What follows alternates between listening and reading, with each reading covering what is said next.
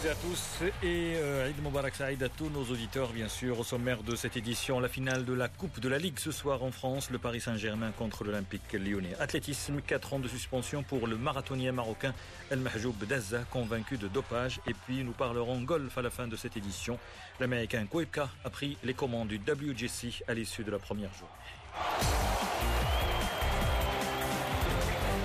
Mais tout d'abord, l'Afrique et cette triste euh, nouvelle, le décès, c'est ce qu'a annoncé la Fédération camerounaise tout à l'heure, le décès de Stéphane Tatao à l'âge de 57 ans des suites d'une maladie. L'ancien latéral droit camerounais a effectué l'essentiel de sa carrière au Cameroun. Il a été capitaine des Lions indomptables.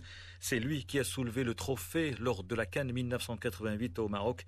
Il faisait aussi partie de l'équipe camerounaise qui avait réussi à se hisser en huitième de finale de la Coupe du Monde en Italie. C'était en 1990, en battant notamment l'Argentine championne du monde en titre. Naples a enrôlé l'attaquant nigérian Victor Oshimen, le jeune joueur de 21 ans qui portait les couleurs euh, de Lille, a signé un contrat de 5 ans pour un montant d'environ 70 millions d'euros. Après Charleroi en Belgique, Lille l'année dernière où il a réussi une très belle saison, 18 buts dans 13 en championnat le Nigérian a réussi deux buts en Ligue des Champions, eh bien Oshimen va encore grandir aux côtés d'un technicien qui veut relancer la formation napolitaine. Il s'agit de Gennaro Cattuso. L'Europe avec la finale de la Coupe de la Ligue ce soir. En France, Paris Saint-Germain, Olympique lyonnais, les Parisiens vainqueurs de la Coupe de France la semaine dernière au dépens de Saint-Etienne, eh bien le Paris Saint-Germain sera privé de Kylian Mbappé blessé et Lyon de son côté tentera de décrocher une place européenne en remportant cette épreuve. Thomas Tuchel, l'entraîneur du Paris Saint-Germain, en est conscient.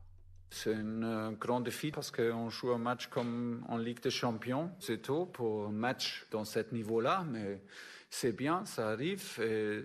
Voilà, on a, on a déjà fait un match euh, euh, décisif, on a gagné un match compliqué. C'est dans quelques phases, c'est important de, de, gagner parce que ça donne beaucoup confiance, ça donne une bonne atmosphère. Et voilà, on a gagné un match compliqué euh, la semaine dernière contre contre Saint-Étienne.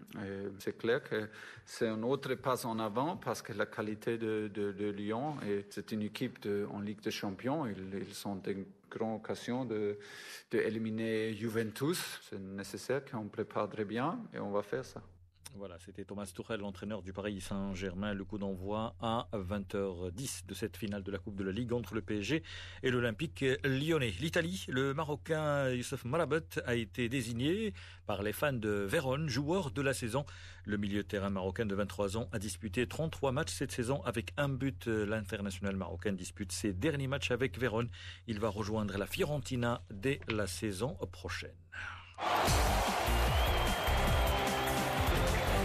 Mauvaise nouvelle pour le marathonien marocain El Mahjoub Daza. Il a été suspendu pour quatre ans par la commission de discipline de la Fédération internationale d'athlétisme. El Mahjoub Daza est accusé de dopage après des contrôles positifs à Prague et Fukuoka. C'était au Japon. D'après le quotidien sportif L'équipe, El Mahjoub Daza était provisoirement suspendu depuis le 10 janvier dernier pour résultat de passeport atypique.